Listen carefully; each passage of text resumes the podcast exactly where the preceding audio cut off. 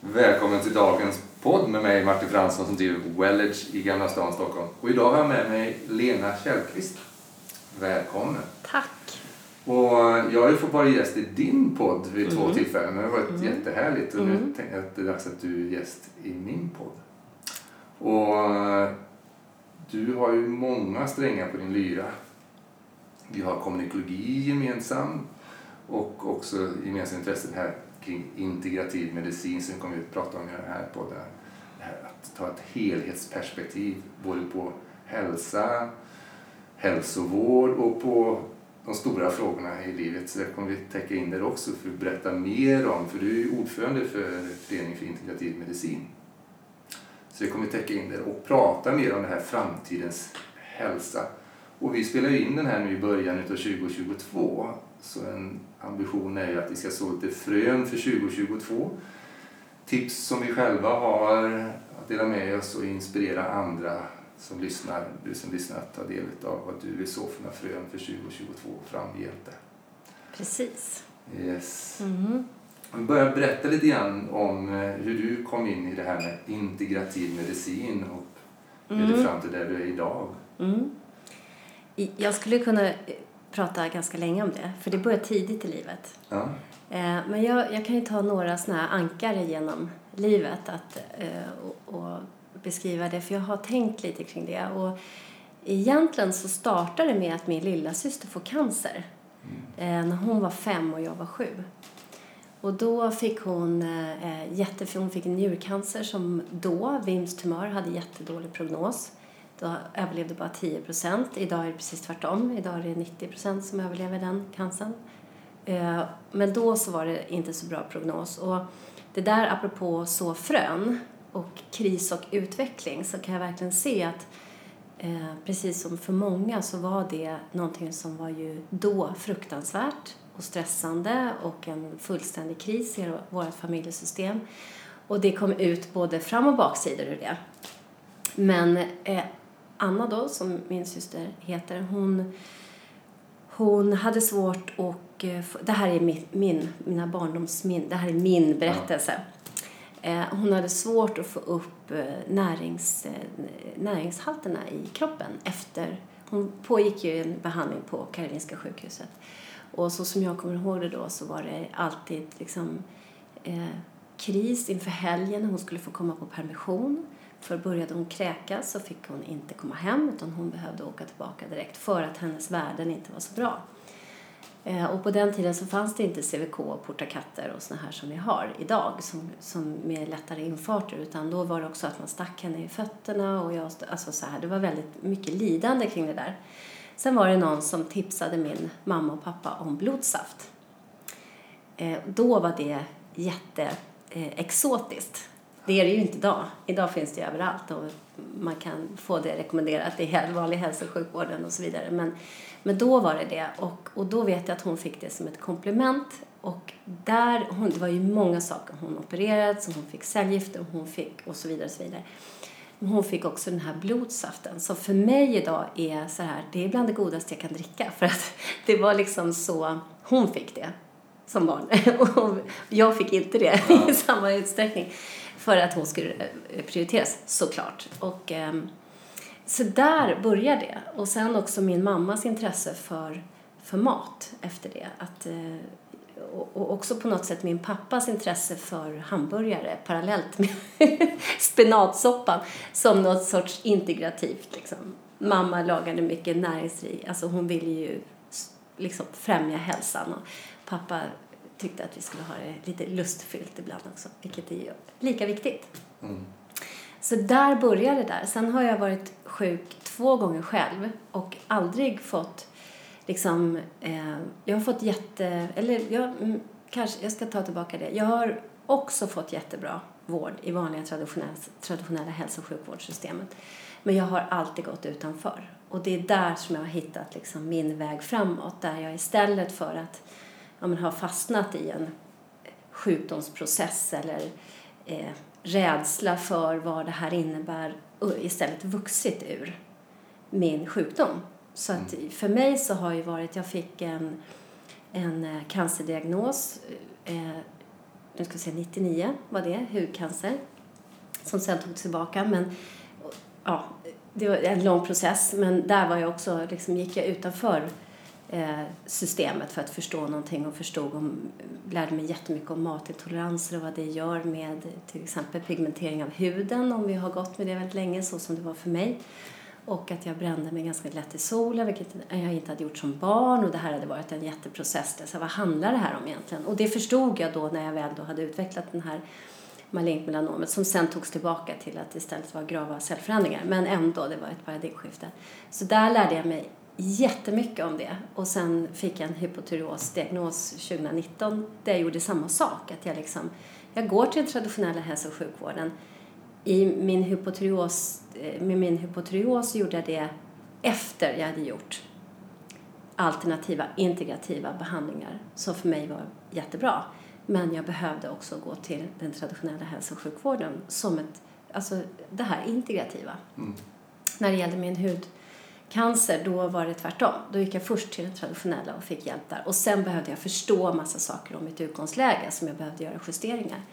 Och det där har varit liksom det har utvecklat mig, det har utvecklat människor runt omkring mig för jag tycker väldigt mycket om att liksom sprida min kunskap. Det, det är någonting som jag verkligen går igång på. Och, och ja, det har gett väldigt, väldigt mycket. Så att i det här och en förståelse och också mina barns utgångsläge med matintoleranser som de föddes med så kom jag till slut i kontakt med integrativ medicin som det hette då, integrativ medicin. Idag heter ju föreningen Integrativ medicin och hälsa, eller Svensk förening för integrativ medicin och hälsa. Ja. Så att bara några sådana här ankare. Sen finns ja. det ju jättemycket däremellan. Men... Ja.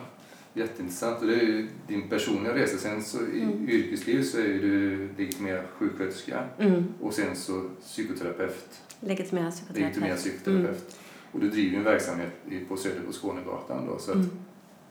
då kan jag också anta att det är väldigt integrativt när du sitter i din yrkesroll också. Ja, det är det. Kan du berätta lite grann den resan till legitimerad sjuksköterska, legitimerad psykoterapeut mm. och vad du ramverket mm. när du arbetar? Jag kan börja med att säga att vi har en, en idé inom föreningen vad integrativ medicin och hälsa. Det här är ju en pågående dialog som vi har ja. som en process hela tiden. Vad är det här för någonting? Men vi har en gång definierat och som jag brukar prata om på våra seminarium och workshop och så vad, vad, vad, och i podden eh, vad det här är. Och då tänker vi att vi lutar oss på fem ben. Och de eh, fem benen omfattar då liksom så mycket mera. De, de fem benen är då, eftersom eh, föreningen är sprungen ur, ur en, det är en yrkesförening först, först och främst och sen idag så har vi ju att man kan bli stödmedlem om man inte är, är legitimerad. Man kan bli stödmedlem eller ja. Och, eh, och då tänker vi oss att den, det, integrativ medicin och hälsa är, står på vanlig traditionell hälso och sjukvård. Eh, men ett integrativ, en integrativ förståelse för psykosoma. För, och egentligen body, mind and soul. Att vi har ett integrativt förståelse för att vi vet aldrig riktigt vad som är hönan och vad som är ägget. Eh, vi har en förståelse för nutritionens betydelse, att vi bygger våra kroppar med bra mat och kosttillskott och andra, vad vi nu behöver för vårt unika utgångsläge. Och vi har också en förståelse för fysisk aktivitet där det inte liksom alla ska ut och liksom löpträna utan för det unika utgångsläget. Vissa människor behöver långsamma rörelser vissa perioder och faser i livet och andra behöver snabb rörelse, hög aktivitet och så vidare. Helt beroende på var vi är någonstans. Och till sist är det existentiella perspektivet. Mm. Och det tänker jag själv att det liksom svävar över allting. För jag eh, bjöd in, vi bjöd in Peter Hallström eh, vid ett av våra seminarier, eller två. Och hans, han spelade sin sång Håll mitt hjärta. Har du hört den? Mm, kanske, han, men inte så ja, Nej. Och den texten tycker jag symboliserar så mycket för den enskilda, vad vi än söker för. Och då vill jag applicera det på hälso och sjukvård. När någon söker oss så söker de oss för att bli mottagen, bli sedd, bli hjälpt, bli ledd. Att få liksom ny kunskap. Att, och, det, och, och jag tar ju, eftersom jag också är psykoterapeut, väldigt mycket till att stilla nervsystemet. Att vi har ett stressat nervsystem på grund av någonting. Eh, jag brukar säga det till mina patienter, men om vi bara krasst bara tar bort precis allting så kan vi börja med vad behöver du för att stilla ditt nervsystem? För det är där läkningen börjar. Så som jag ser det så är det där läkningen börjar. Och sen behöver vi liksom gemensamt söka oss vidare för vad just du behöver. Och så kan man ju ha då strategier och metoder och vi är ju liksom legitimerade, vi, vi håll, jag håller mig inom min legitimationsram eh, alltid, men, men jag jobbar med personcentrerad vård. Och jag tänker att integrativ medicin och hälsa är, gifter sig väldigt bra med tanken om personcentrerande vård. Hälsovård. Mm. Eh, och där är också det existentiella perspektivet väldigt, väldigt viktigt. För, och då behöver vi inte vara religiösa, vi behöver inte ha en trosuppfattning, vi kan vara artistisk, äh, artister. artister. Eh, men vi har ju en tanke om vad det här livet handlar om. Har vi en tanke, alltså även om vi säger att ja, det finns ingenting, så har vi ändå en tanke om vad vill jag göra i det här livet. Om vi inte är svårt deprimerade eller så, för då kanske vi har tappat just det just då. Eh, och då behöver vi liksom leda oss tillbaka till vad, vad är jag här för? För alla människor vill vara här för något. Mm. Och det är ju också unikt. Ja, verkligen. Ja, jättefin med de fem benen för integrativ medicin. Mm. Och eh, nu är det så att du som lyssnare kan ju vara både ja, privatperson, det kan ju vara att du är en person som verkar inom hälso och sjukvård eller alternativhälsan så att säga. Så vi kommer ju komma in på den biten där hur man kan faktiskt bli medlem om man är intresserad av integrativa mm. föreningen som snart kommer bli ett förbund också. Mm. Ja, vi står ju i ett paradigmskifte där. Ja. Och där är ju all input Ska jag berätta lite om ja, skillnaden? Men, ja. ja. vi är ju en ideell förening just nu och jag har haft en tanke länge om att skapa, att utveckla det vidare till ett förbund. För att vi är ju så många egentligen som verkar i integrativ anda. Du är här på ja. i Gamla stan, jag är på Södermalm och vi har ju, bara för att nämna några, så Integrativa kliniken, vi har To Heal, vi har Fun, alltså vi har väldigt, väldigt många och då är det ju massa mer än de jag nämnde nu. Eh, och vi behöver liksom på något sätt samverka, tänker jag, i, i under någon, något gemensamt paraply där vi, apropå stilla nervsystemet, där vi kan ha en kunskapsbank, vi kan ha jurister som är specialiserade på hur vi, ramen för hur vi får verka och inte, ett, eh, ett eh, vetenskapligt råd där vi har, alltså så, här, så för att vi ska kunna liksom dels ja, men samverka framförallt, för det är det som är väldigt viktigt. Mm. Men också föra det här vidare och det tycker jag är också väldigt intressant just nu när vi befinner oss i den här pandemin. Precis. Och då är skillnaden på ideell förening som är idag att man eh, liksom blir, e, enskilda människor blir medlemmar. Medan i ett förbund, där kan vi både i olika former av organisationer samverka. Och då tänker jag att då blir vi mycket mer kraftfulla. Ja. För det finns ju mycket kunskap, erfarenheter, kompetens som behöver delas så säga, på ett smidigare sätt. Verkligen. Så att eh, det kan vara till gagn för varje utövare såväl för de som söker vård då, för att det blir eh, effektivare. Ja. Man uppnår det som man önskar. Och också under pandemin lite grann det att, eh, att bredda basen för vad som är möjligt. Vi har ju sett att när nervsystemet inte är så stilla det så kan det bli att det blir väldigt smalspårigt. Mm. Eh, så det är väl någonting som jag vurmar för att kunna ta skygglapparna och se vad finns det för erfarenheter? Vad finns det för någonting som faktiskt fungerar, som är gynnsamt för att människan ska må bra och eh, ha sin fulla hälsopotential? Där vi inte bara angriper saker och ting utan ser hur kan vi stärka mm. för det salutogena perspektivet i mm. hälsovård kontra då sjukvård som jag tycker är intressant. Då. Vad är det vi kan göra för att stödja människors kroppar? Vad vi kan göra för att stödja människors psyken? Och själen kan få en boning som är trygg att vara i, som inte sticker. Mm, verkligen. Växa ur. Växa. Och då kommer vi in på det här eh, framtidens hälsa, skrivit upp här.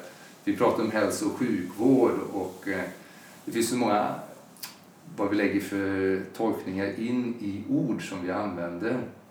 Och för mig har det blivit till och med sådana ord som medicin valde jag, vi har en, här när vi spelar in det här har vi en liten staffli med, med några nyckelord att beröra. Och då är vissa ord som jag valde att inte använda till exempel för att medicin till exempel har blivit så laddat in i eh, mediciner, kemiska mediciner. Det är ingenting fel med det, men det blir en sån begränsning ibland över tid kopplat till ett visst ord. Och likadant sjukvård så att säga då, har ju blivit, kan ju vara olika för olika människor men det finns en koppling till vad det innebär. Att då, är liksom, då har man eh, vissa utmaningar som har nått en viss gräns, att man har fått en diagnoskod och sen så är man inne i det. Men om vi går tillbaka och breddar det tillbaka i historien så är hälsovård varit något så mycket mer. Vad är det vi kan, behöver för att leva våra fulla, fullödiga liv som du berörde de här fem benen då, där vi kan liksom få vad är mer är möjligt? Och det är det jag tittar när jag tittar vad är den framtida hälsovården och det som växer fram nu i funktionell medicin, funktionell neurologi som jag själv jobbar med. Vad är det som växer fram och finns en skriande behov? Så som ett komplement, inte antingen eller utan både, och. och.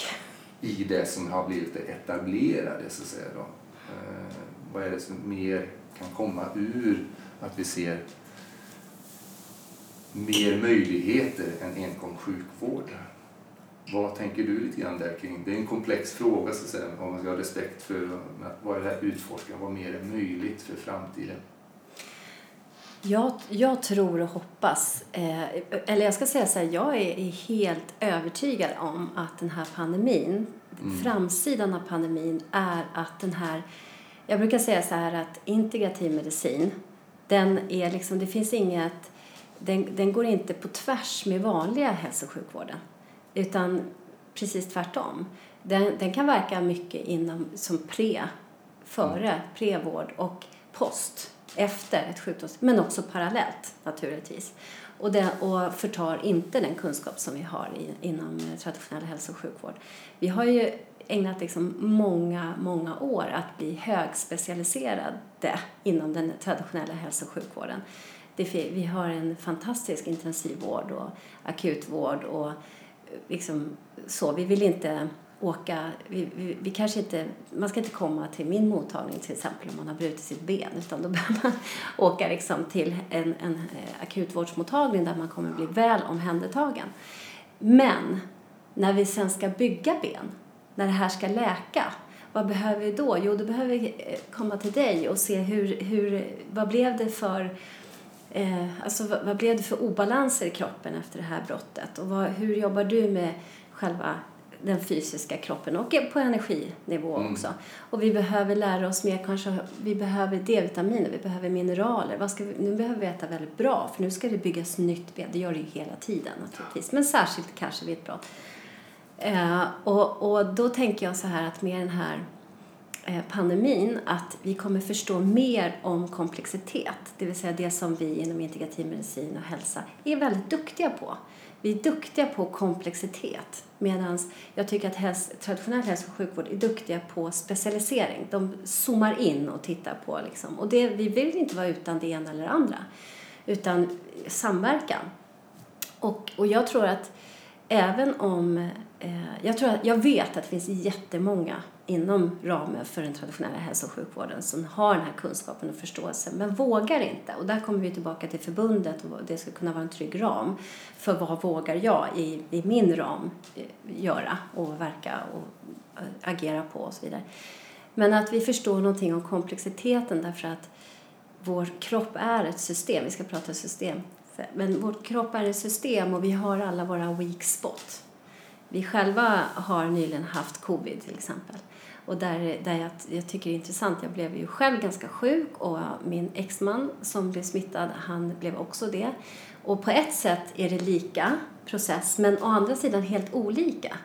Och då tänker jag då med min kunskap för integrativ medicin att det där, ja men om jag tittar på honom till exempel så ser jag ju hur han har, var han har sina weak spot. Och där angriper covid mer, precis som för mig då, där den angriper mig på vissa eh, områden i kroppen och helheten och, och så vidare. Och det tror jag att många har upplevt. Och för att också vända den här rädslan, för den tror jag är det absolut största hotet mot vår folkhälsa att vi är så himla rädda. Därför att det kan gå illa med covid. Det kan det göra med väldigt många sjukdomar. Men nu har vi fokus på det här. Och, och, och att rädslan blir någonting att vi blir, vi blir liksom cementerade, vi blir fast, vi växer inte ur det här. Nu har jag pratat bort mig själv så jag inte riktigt kommer ihåg var jag skulle börja någonstans. Men, men jag tänker just att, att eh, rädslan, det är den vi behöver förstå någonting. Vi, kan, vi har kaos, kris, kaos och kristeorin som är utveckling, apropå det här som jag sa med mina egna sjukdomar. Mm. Vi behöver växa ur någonting. Liv är att växa. Liv är att det sker en aktivitet och en framåtskridande process. Gör vi inte det, jag fyllde 50 precis den här om dagen och då så tänker jag så här, jag har haft en egen process om att fylla 50. Men, ja, men motsatsen är ju hemsk. Det är ju, jag vill ju inte inte åldras. Jag vill inte inte bli äldre, utan jag vill bli det. Det är också en process framåt om man tar det som en metafor eller en symbolik, en isomorfi till, ja eh, till liv. Att det är det det handlar om och där ska vi lära oss, där ska vi växa och det behöver vi göra den här pandemin. Och jag tror att många kommer lära sig om komplexitet, har förstått, fått en egen embodied upplevelse av komplexitet på olika sätt. Mm. Precis, frågan är att föra ner den till antingen eller i förhållande till olika saker kan ställa till mer än vad det gynnar. Mm. Och just det här att ja, öppenheten att väva in vad mer är möjligt så säga, för att främja hälsa och välbefinnande. Mm. Eh, vi har ju hamnat i det här att det finns den här, den här evidensbaserad medicin och forskning så finns det ju olika eh, graderingar på vad för typ av studier som eh, är av rätt standard så att säga för att ge stöd för att man implementerar en intervention. Och här har väl eh, något de senaste två åren blivit väldigt uppenbart då att ibland kan saker kanske behöva ta tid för att verkligen gå igenom sin due diligence, sin process innan man ger klartecken för någonting. Och likaså så är det vissa interventioner om man har lång erfarenhet utav det. Att det man sett och sett igen att det här är väldigt få risker med men det är stora fördelar.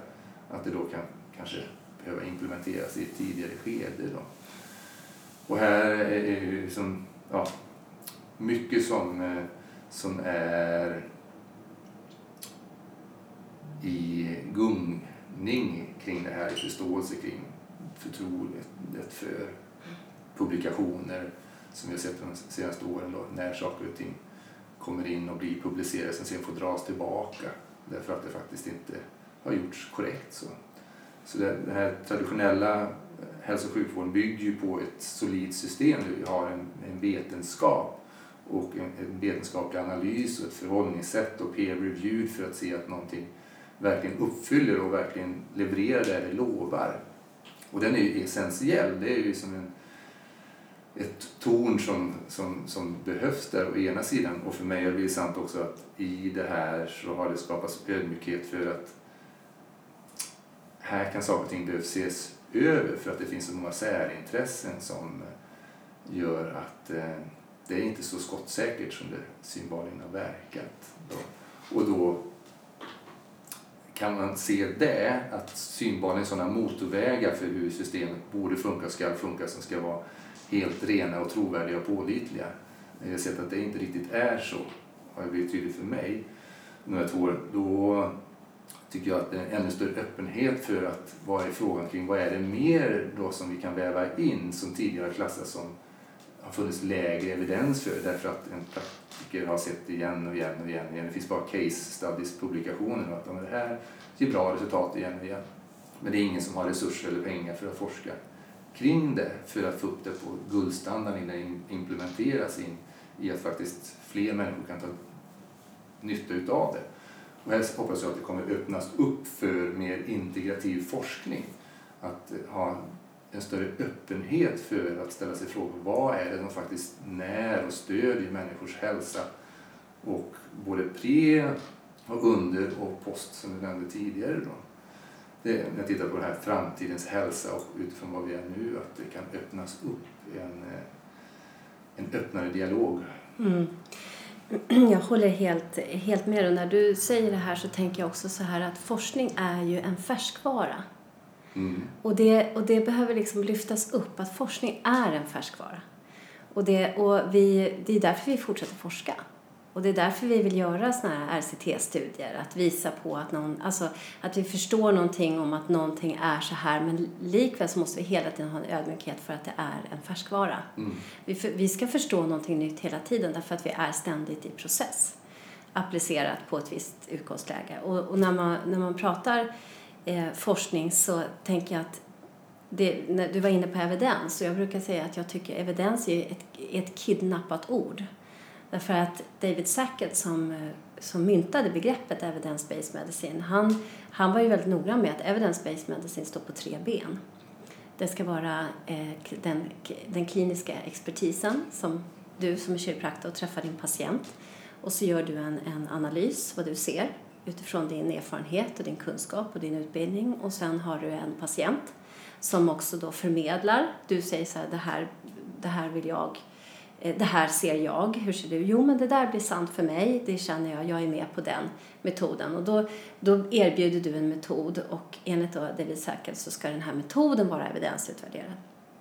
Men först när man har den, den, att det står på tre ben, klinisk expertis, evidensutvärderad metod och patientens preferens, så har man en evidensutvärderad situation, en hälso och sjukvård, eller ja, en hälsosituation. Mm. Och han sa det redan då, när han myntade det här, att den stora risken nu är att eh, det vetenskapliga etablissemanget kommer kidnappa det här och bara fokusera på evidensutvärderade metoder. Och det är det vi har sett hänt. Ja. Sen har Socialstyrelsen gick ut för, jag tror att det var ett eller två år sedan igen och, och förklarade det här med evidens eh, evidence-based medicine och David Sackert och så, och så vidare. Därför att det var en diskussion då som, som blossades upp och så och det var i andra ramar också. Men det, det är inte det vi ser hända.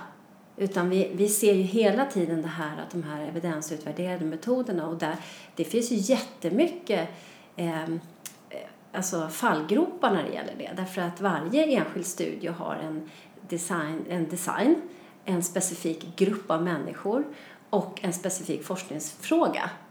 Som, och sen så en, en metod hur du ska gå tillväga, om det är kvantitativt eller kvalitativt och så vidare.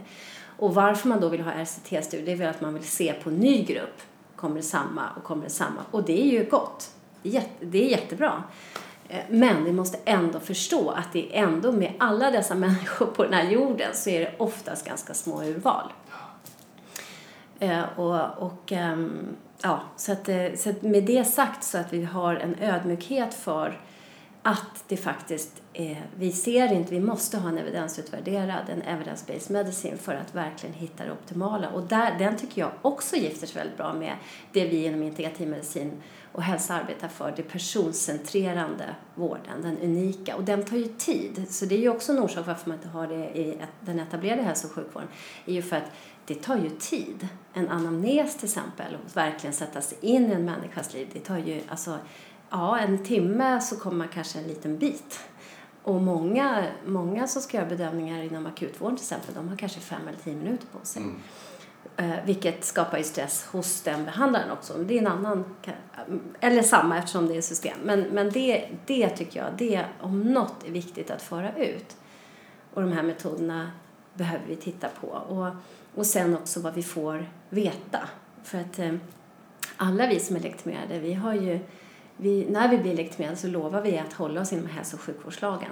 Och inom hälso och sjukvårdslagen så är vi skyldiga också att sätta oss vid databas och ta reda på just det vi jobbar med så behöver vi hålla oss uppdaterade. Men det är väldigt få som gör det. Utan man får veta lite så här, men media levererar det och så är det någon kollega som levererar det och så gör man det. Och då vill inte jag säga, för många liksom inom hälso och sjukvården vill göra det här men har inte tiden eller känner att de har kunskapen och vet hur man ska göra. Nu finns det ju, och det kan jag tipsa om om du skulle bjuda in Eh, docent Thomas Ljungberg. Han är jätteduktig på det här och också kan berätta om, det finns en jättestor databas som USA har skapat nu för att det ska vara väldigt lätt till att komma in och också se de här studierna som inte eh, framhävs. För att det finns ju också det här med anslag som du sa att man vill få eh, visa att min studie har visat det här bra. Ja. Och då, det finns en problematik med det för de här studierna som kommer fram som inte har haft de resultat man har önskat, de ser vi inte. Utan de, liksom, de förkastas därför att de publiceras inte i, i olika medier, medier mm. liksom, utan det är bara de här som har liksom. Och med det då så finns det ju också en stor önskan hos de här forskarna att faktiskt visa på resultat och det är ju en annan problematik då som du, Miriam, jag tror att du nämnde det tidigare, ja. att, det, att det kanske inte alltid blir, kanske inte alltid stämmer och så, så kommer det visa sig senare och så, ja. Så, så. Mm. så att, um, mm, det finns, eh, tanken med evidence-based medicin är väldigt bra och den tror jag faktiskt att vi utövar väldigt mycket inom integrativ, hälso, eh, medicin, integrativ medicin och hälsa. Ja, ja jätteintressant. Eh, vi rör oss i olika problem men att komma tillbaka till den här stora biten kring några gemensamma ramar. Vi har ju också eh, Truls Leijner och Jorun Sjöbacken som gemensamma lärare i kommunikiutbildningen mm. som är det här ett, ta ett metaperspektiv på any human activity. Och eh, den, traditionen kommunici kommer ju ur, influerat utav olika eh, frågeställningar som fanns under titeln 1900-talet, givetvis tillbaka i tiden. Också en som vi brukar peka på är Gregory Bateson och Nora. Nora. Mm. Eh, kring det här att ha systemtänkande då, som en motvikt mot den här specialiseringen som vi har sett har skett då, av nödvändighet därför att det blir bara, som vi väl så belyst, så att det blir bara mer och mer information som håller sig ajour bara inom sitt gebit.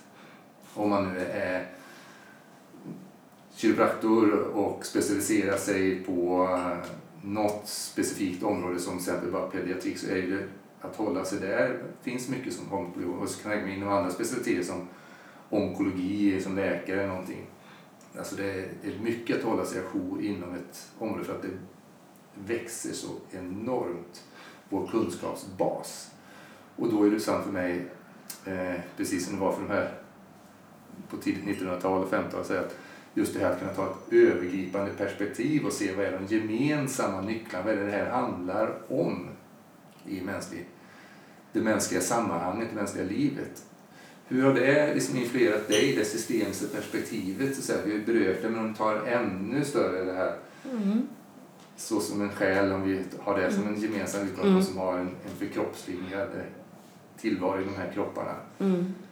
Eh, och vi samverkar med varandra, i oss själva och med den här världen.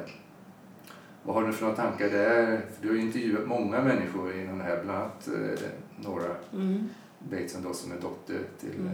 Gregory mm. Bateson. Mm. Nej, men jag, jag, ehm, jag brukar säga att jag, jag tänker system i allt. Och för mm. mig var det, apropå själ, att, att verkligen förstå hur vi sitter ihop med precis allt. Alltså vi kan ju prata om så här, men vi, eh, bara om man går till kristendom av jord är du kommen, av jord ska du återbliva till exempel. Det är ju ett system. Mm. Att, att eh, vi är gjorda, vår köttfarkost som jag brukar kalla det. Ja. eh, vi, vi är liksom gjorda. Men jag, jag brukar också tänka så här, men allt från den lilla cellen, om vi bara går till den lilla cellen och alla processer som sker i den här cellen som är så eh, fantastiskt när man väl börjar titta på. Det finns ju sådana olika scheman man kan titta på med hur med citronsyracykel, alltså allting så natriumkaliumpump, alltså så. Eh, till hela vårt planetära system. Och hur vi faktiskt påverkas, månens cykler, ebb och flod och så. Att allting Eh, jag jobbade som sjuksköterska inom eh, eh ASIH till exempel och, eh, och kunde verkligen se att ja, men, när, och jag tror att många med mig vet det, att när det är liksom fullmåne då händer det mycket, då får man jobba mycket. Då är det mer smärta, det är liksom, ja, eh, en, det händer någonting med oss. Så att, för mig, när jag väl förstod det här, var det som att bli typ frälst, brukar jag säga. Att det liksom så här, jag gick under lång tid och var liksom helt uppfylld av hur vi, hur de här systemen, eh, hur, hur vi verkar i våra system och hur systemen är levande system. It runs in the system. Och, och för mig då sen när jag har, så jag har jobbat då som, jag började inom hälso och sjukvården som mentalskötare, jobbade inom psykiatrin och gjorde olika saker inom det, både slutenvård och eh, öppenvård och i jourteam och resursteam och jobbade med fantastiskt kunniga människor. Eh, och ehm, jag var delaktig i eh, ett projekt som pågick ett år där jag var mentalskötare där man inte satte in läkemedel på nydebuterade psykoser och se det, hur verkar, hur, hur, vad händer liksom i systemen, familjesystemen när någon blir sjuk, vad har hänt innan? Jackie Seikula har ju uppe i Nordkalotten brukar säga att han är, han, eh, han pratar ju, alltså när, när någon har en nydebuterad psykos så inom två dagar så har de, de har som en modell då, att de kallar in alla viktiga runt den här personen i dess system. Och, och de har reducerat eh, alltså en fortskridande psykos med, nu kommer jag inte ihåg siffrorna, men alltså väldigt höga, över 50 procent. Jag tror att det var 60-70, om inte mer. Har man reducerat att, alltså man, man helt enkelt håller, systemet går in, man förstår olika saker, vad är det som har fallerat, vad finns det för utmaningar apropå att leva och växa sig ur en kris. Eh, hur det satt min idé. Jag gick... Eh, ja, det är mina egna utgångslägen också när jag har blivit sjuk. Ja, verkligen, att förstå att det här är inte bara en sak. Jag kan inte bara skära bort det här lilla eh, leverfläcken och mycket runt omkring och alla andra som jag fick ta bort. Utan det handlar om min köttförkost och hur den är i obalans. Och naturligtvis med stress och, och det existentiella. Med tro, alltså så. Man vet ju att eh, människor som har en väldigt stark tro på någonting är också friskare. Har en bättre anknytning. Och vad är då anknytningen? Apropå system. Anknytning är egentligen någonting du ska, som ska ske genom, som är biologiskt från början, apropå integrativt. Du kan inte inte knyta an som människa. Utan, men sen är ju anknytningsprocessen genom andra människor som är mamma, pappa, farmor, farfar, mormor, morfar, vänner, partners och så vidare. Och till slut ska du knyta an till dig själv. Och vad är anknytningen? Och den anknytningen är, det, det är ett stressreducerande system där vi genom andra ska bli stressreducerade och, och då lära oss att stressreducera oss själva. Det är också ett system som är och, och så. Så att jag har liksom min på något sätt så här, livsuppgift är att, att gå in i olika, förstå system. Och också i min praktik som psykoterapeut så jobbar jag jättemycket med det. Människan själv som individ men sen också sina olika system, familjesystem, arbete, arbetsplats, eh, kroppen, kropp och knopp, hur, hur samverkar det? Och så vidare. Och där har jag möjligheten då att jobba med somatiska eh, men som du till exempel och somatiska läkare, psykiatriker. Vi jobbar integrativt. Eh, det är också ett system. ja, jag vet inte, jag, jag kanske blir jätteflummigt men, men det, ja. det är liksom eh, för mig så är det går inte att inte tänka system. Allt är system. Mm. Allt är levande system. Precis, allt mm. påverkar mm. annat. Och sen mer eller mindre kunna ha den överblicken, att kunna se mm, både ner på detaljnivå och mm. se paraplyperspektivet mm. och se hur saker och ting samverkar på tvären. Så. Det är mm. en, en förmåga i vårt nervsystem som vi behöver träning på mm. också. vi har blivit väldigt mycket tränade, skolade eh, beroende på specialiteter så säger man att specialiserat att se mer och mer ner på detaljnivå och andra har blivit mer och mer specialiserade på att se övergripande mm. system. Men det är ju mm. att kunna ta del av våra styrkor och samtidigt som varje individ eh, nära att träna alla de här förmågorna då. Mm. mm. Att eh, gå ner på djupet på detalj och upp på övergripande nivå mm. och kunna se hur saker och ting hänger samman på tvären. Mm. Jag tror det är en, en otroligt viktig kompetensförmåga att mm. eh, nära utveckla i individer, i grupper, mm. oberoende eh, om det är inom hälsovården eller mm. alla former. Att det kommer bli mer och mer viktigt att ha med de här förmågorna i och, och, och, att vi människor behöver varandra. Mm. Och det den här pandemin återigen, att vi har varit mycket karantän och isolerade och inte fått vara tillsammans med nära och kära på det sättet som vi faktiskt behöver för att må bra, både psykiskt och fysiskt. För går vi omkring med en konstant stress så, så, så blir vi sjuka till slut i våra olika ut, liksom weak spots. Ja. då, pratar och, du- ja, förlåt. Ja, du pratade om det här med eh, vad är det som nu börjar som, vad är det som behövs för att nervsystemet ska vara lugna sig så att säga. Mm, Och det är någonting som arbetar mycket med trygghetens fysiologi så att säga. mm. Berätta. Ja, trygghetens fysiologi den, det är ju en sån eh, modell utifrån Dr. Stephen Polk som är en gemensam plattform som vi har som arbetar här eh, och som fler och fler då, det här apropå då att ha en gemensam förståelsegrund, till exempel en gemensam förståelsegrund kring hur nervsystemet Mm, fungerar så har han ju myntat eh, det här The Biology of Safety så som essentiell nyckel för biologisk läkning, mm, neurologisk läkning och därmed också emotionell och, och Mm. psykisk läkning. Allt det Mm. här eh, hänger samman då att på instinktiv nivå, på emotionell nivå, på kognitiv nivå, på alla nivåer i oss själva mm, så behöver det pinga signaler inuti oss själva som indikerar att jag är trygg. mm, Och ju fler signaler som får på det, på Mm. alla nivåer i, i hjärnan och i vårt system, desto bättre kan vi läka oss. mm, Och desto mer resurser finns det för att Mm. samvara med, vara med andra också på ett allt mer funktionellt sätt och skapa någonting som är, som är större än vad annars är möjligt. mm, mm. Är det han som har eh, också skrivit den här boken Poly... The polyvagal Ja. theory. Ja, precis precis. Så det är det stora fundamentet då utav hans forskning. Sen så har han skrivit en, ytterligare en bok som är för kliniker så att säga, då, där, som kom ut för några år sedan, där hur att applicera den här förståelsemodellen mer in i den kliniska verksamheten då, oberoende vilken yrkesroll man har som eh, inom hälso och sjukvård. Så, så är väldigt väl värd.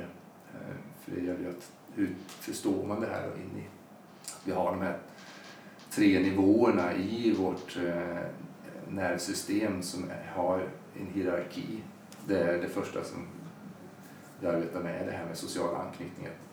Vi som människor prövar alltid, om det är möjligt, att lösa konflikter och lösa det genom att vi anknyter till varandra och eh, får ett samförstånd genom medkänsla, empati och förstå den andres utgångspunkter.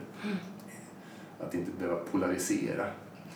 Just det. Men när, när systemet känner sig otryggt, ja, då faller vi in i att det blir ett annat tonläge, en annan ansiktsmimik och vi går in i de här polariseringarna. Eller så börjar det här äldre delen av nervsystemet aktiveras, det som har med fight and flight som vi traditionellt säger. Då. Och ju mer de där börjar aktiveras, desto mindre resurser finns ju över för att vara i, i mötet, i kommunikationen med Mm. varandra. Och sen så då den äldsta delen som kan kliva på som eh, jag tycker det var ett väldigt fint att han har tagit in eller modellen visar, för det här är ju forskning kring hur biologiskt däggdjur fungerar, som är det här att släcka ner då, som hör hemma till när vi var, livet var käklösa fiskar, att då var överlevnadsstrategin var ju först och främst att släcka ner funktioner, att ge så få indikationer som möjligt på att jag är vid liv. För att på så sätt överleva Mm. faran och på så sätt komma tillbaka in i trygghet så att säga, då, på en Mm. biologisk nivå. Mm, Att de här ligger där hela tiden i varje ögonblick, i varje möte, i varje situation. När vi sitter här nu, du som lyssnar, så är de här eh, ramverken med där, här hierarkiska systemet. Ett som är där för att kolla, är jag trygg? Behöver jag släcka ner? Behöver jag minska på mina min livsimpulser? Och en annan del som kollar, behöver jag mobilisera och liksom aktivera mer energi för att kämpa eller fly för att hantera den här situationen jag är i just nu. Och en annan då som är mer nytillkommen, så okej, vad- hur, hur kan jag kommunicera här med min ansiktsmimik, mitt tonläge för att eh, vi ska vara i trygghet och komma till någonting som är funktionellt. mm, hur de här ligger där hela tiden. Då. Eh, och jag tycker den är en väldigt fin modell och förståelse att ta med sig in i relation till hur vi förhåller oss till eh, vad media eh, kommunicerar och det hade varit fint om media hade mer insikt om personer som förmedlar budskap. Då. För är det här som kommuniceras någonting som har en större sannolikhet att trigga rädsla och därmed de här äldre systemen eller någonting som kommuniceras som kan kommuniceras att det väcker trygghetssystemet på alla nivåer. Och där kan jag hålla samt att det har ju fallerat mer än någonsin under eh, de här senaste åren. Då. Att vi har så mycket media som är byggt på att kommunicera signaler som triggar rädsla, mm. skräck, fara. Förlåt. Nej, men jag håller helt med dig om det. Och det eh, jag kan också tycka det att det är med för, för mycket rädsla eller rädsla överhuvudtaget kanske så slutar vi tänka. Eller vi tänker, vi är kanske lösligt fokuserade på där och då och så, och så i panik lyssnar man på. Men vi, vi kan i alla fall inte använda hela vår hjärna till att reflektera, eh, se mönster och så som vi kommunikologer gillar med isomorfi till exempel. Att vi, att vi hamnar i rädsla. Och jag, där kan jag tycka också att Folkhälsomyndigheten eh, kunde gott ha, eftersom man inte vill belasta sjukvården, det är ju det som man säger hela tiden, vi ska karantäna, vi ska hålla restriktioner, vi ska för att inte belasta sjukvården utan att de som blir sjuka ska ha möjlighet att komma in. Vilket är ju eh, jättebra. Men då borde man ju också gå ut med att säga vad vi kan göra för vårt eget utgångsläge. Att vi behöver faktiskt vara tillsammans med andra människor, vi behöver komma ut, vi behöver promenera, vi behöver andas frisk luft, vi behöver äta bra mat så att vi har bra nutrienter i kroppen, eh, byggmaterial, vi behöver liksom och, och framför allt känna oss eh, trygga. Att det här kan du göra för dig själv. När vi vet inte så mycket, vi kunskapar tillsammans, men just nu så ser man det här apropå forskning. Eh, och, och, och det, det, det, där har, det har vi inte sett någonting av. Och där jag tycker också att det, apropå, kan vittna om sån stor när vi ska hamna i de här olika dikena, för vi hade ganska tidigt pandemin så hade vi några från integrativ medicin och hälsa som gick ut med, med tips och råd apropå att stärka sig själv och, och då var, var det diskussioner om C-vitamindropp, som att man har syra rakt in i, i blodet. Och att och det blev ett mediadrev kring det. Men det, och där tycker jag att det vittnar om en så stor okunskap därför att C-vitamin är ju ett ett eh, receptbelagt nutritionsdropp som finns angivet i fast. Vem som helst kan gå in och titta på det. Det är ett gammalt, det används och har använts och är, ska administreras av eh, legitimerad hälso och sjukvårdspersonal och ordineras av läkare. Och det är ingen syra rakt in i som man pratar om. Och då, och, och då, då, då, tycker jag så här, det där blir på något sätt så en symbol, något symboliskt för hur, när vi blir rädda, att liksom, och, och framförallt kanske också makt och positionering och så vidare, som är så himla olyckligt. Det är kanske inte alla som behöver ett C-vitamindropp när man blir sjuk, men, men att nedgöra det så kanske det var några som faktiskt gjorde det, som, som behöver just det för att man har brist på det till exempel. Mm. Och så vidare. Så att, och, och den här att inte kunna dela, att inte kunna prata. Det är det vi gör. Vi människor, jag brukar säga så här, vi har inga huggtänder och vi har inga klor och vi har ingen päls, men vi har väldigt stora hjärnor.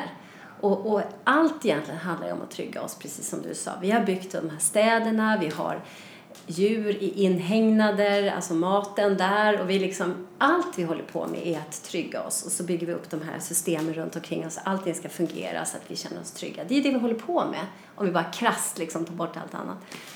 Och, och, men det är våra stora hjärnor som gör, och det är inte så att vi, vi kan sitta på vår egen kammare och tänka saker, men vi tänker ju fantastiskt om vi gör det tillsammans med andra och, och går samtidigt. Då glittrar ju corpus callosum och vi liksom så här, eh, lär oss att hitta på nya saker och förstår och kan sätta ord på och så. Och så, och så. så att, eh, och den där, det, det är som gammal kunskap försvinner liksom. Och samma med vaccinationerna. att människor som vill vaccinera sig ska absolut vaccinera sig och de som inte kan eller vill ska ha den möjligheten. Det är, det är, regering, det är skyddat i lag, eh, tycker jag. Det står jag för. Att jag tycker att människan ska ha den rätten och så, så, så förstår vi någonting. Men jag tänker att den här rädslan då för de som är vaccinerade att inte kunna vara med potentiella smittsamma andra människor. Nu vet vi att vi smittar, alltså, ja, det är en komplexitet kring det. Men om vi bara går tillbaka till vad vi kan om vaccination. Varför vaccinerar vi oss?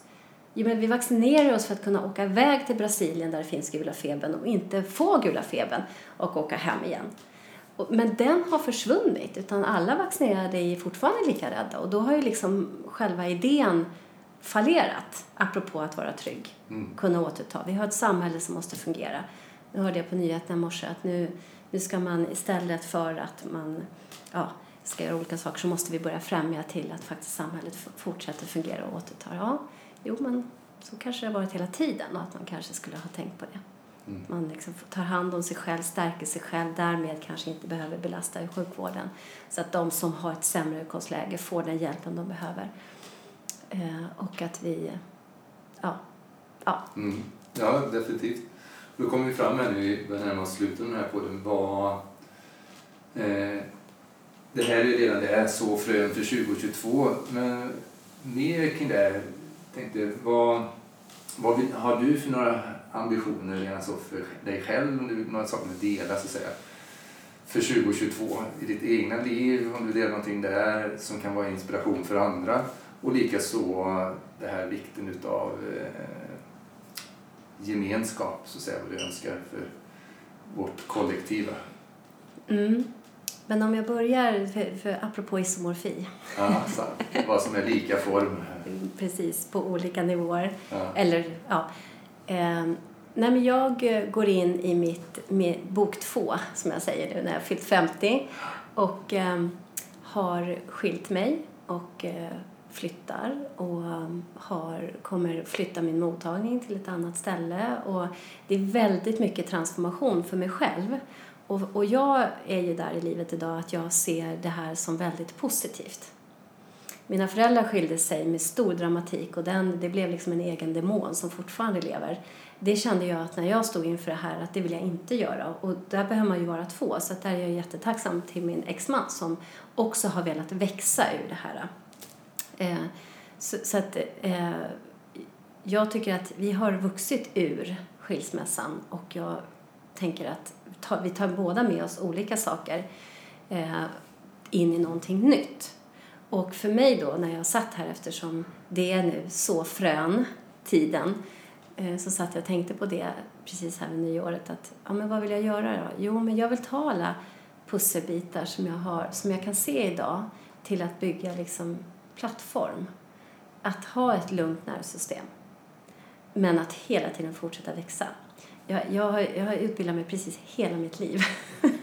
och vissa saker kommer jag inte ens ihåg att jag en gång har lärt mig för att det har kommit in nytt. Men jag, jag gillar det här med att liksom, det är ett växande hela tiden. Vi förstår någonting nytt. Jag tycker att forskning är jättespännande. Jag, jag, har liksom, jag gick forskarskolan redan när jag läste till sjuksköterska på Sofiahemmet och så vidare att jag tycker det är jättespännande. Men, men vi behöver liksom bredda det här. Vi behöver förstå komplexiteten. Vi behöver kunna prata om forskning på det. Och där tycker jag att media har ett jätte, jättestort ansvar att börja bjuda in människor från olika... Att, att, jag älskar ju Sokrates till exempel de sokratiska samtalsreglerna som vi har applicerat in i vår förening när vi har seminarier och så, för att kunna mötas i olika, vi kommer från olika skyttegravar, men vi behöver inte sitta i olika skyttegravar, utan vi behöver sitta tillsammans med våra stora hjärnor och tänka ut nya saker för att vi ska ta vårt samhälle vidare.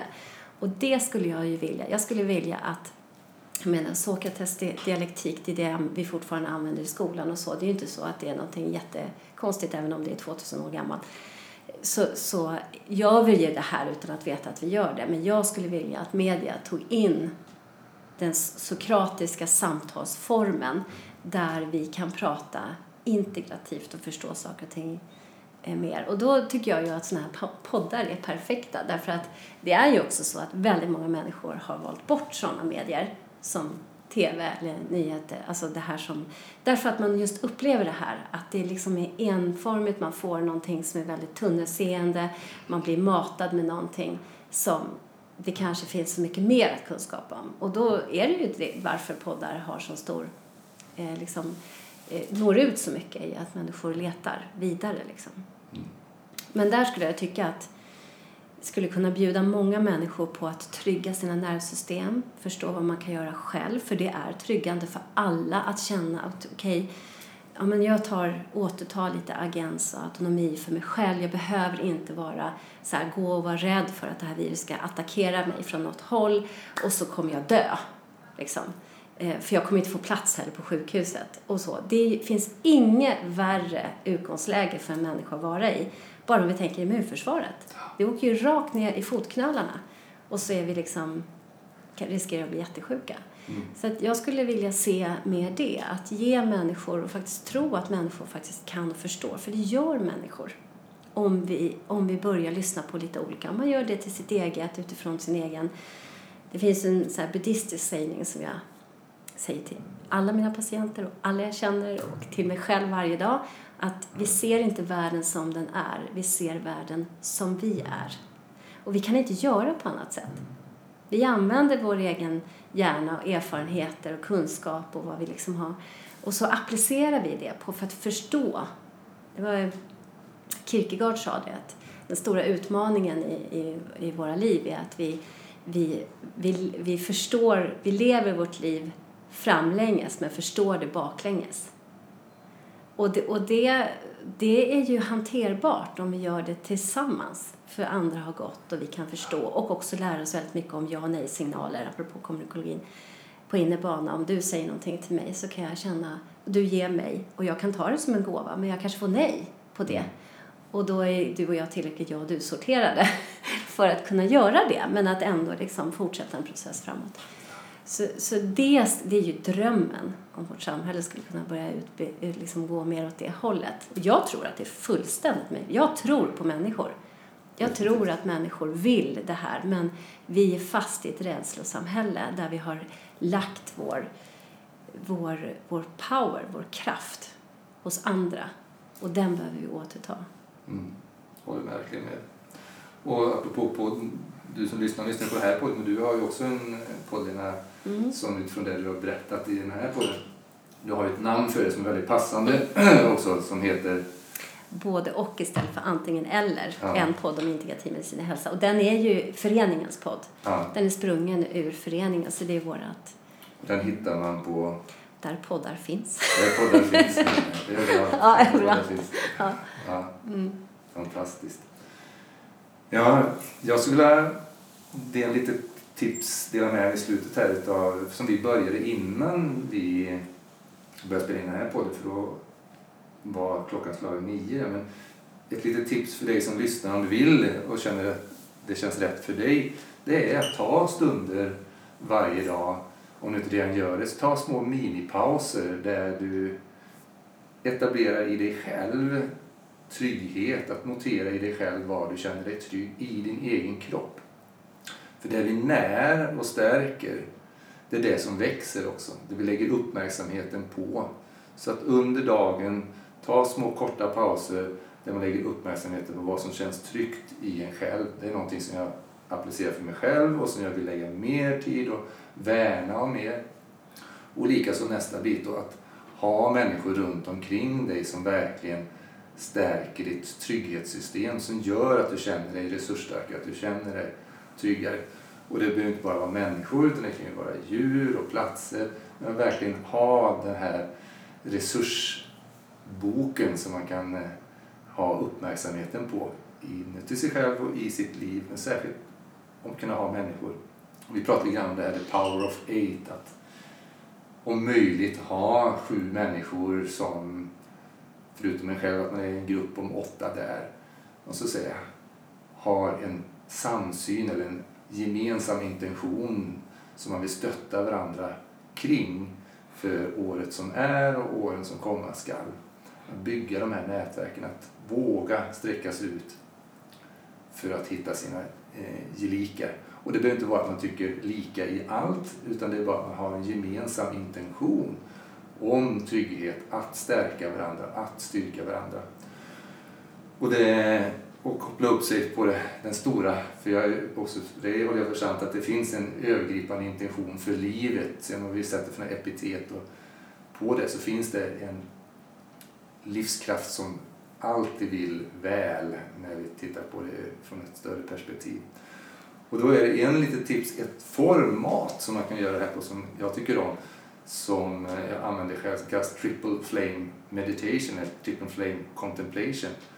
Det är för de av oss, så som jag själv, som gillar liksom att lägga det i en struktur att vid vissa klockslag, klockan 6 på morgonen, klockan 9, klockan 12, klockan 15, klockan 18, klockan 21, var tredje timme avsätta tre minuter där du spenderar tre minuter. Den första minuten är på det jag sa, att vara fokus i dig själv och i tacksamhet i ditt eget hjärta för dig själv och det du har i ditt liv. Nästkommande minut sträcker dig ut till det gemensamma, det kollektiva. Att vara tacksam för de människor och det som livet bjuder dig på. Och kanske just för de dina närmsta och käraste som ligger dig närmast, om det är din grupp av åtta. Och den tredje sista minuten att expandera och verkligen koppla upp dig på det stora. Och då kommer vi in på det som vi kan fortsätta in i, i nästkommande poddar, prata om eh, olika systemmodeller för världen och verkligheten.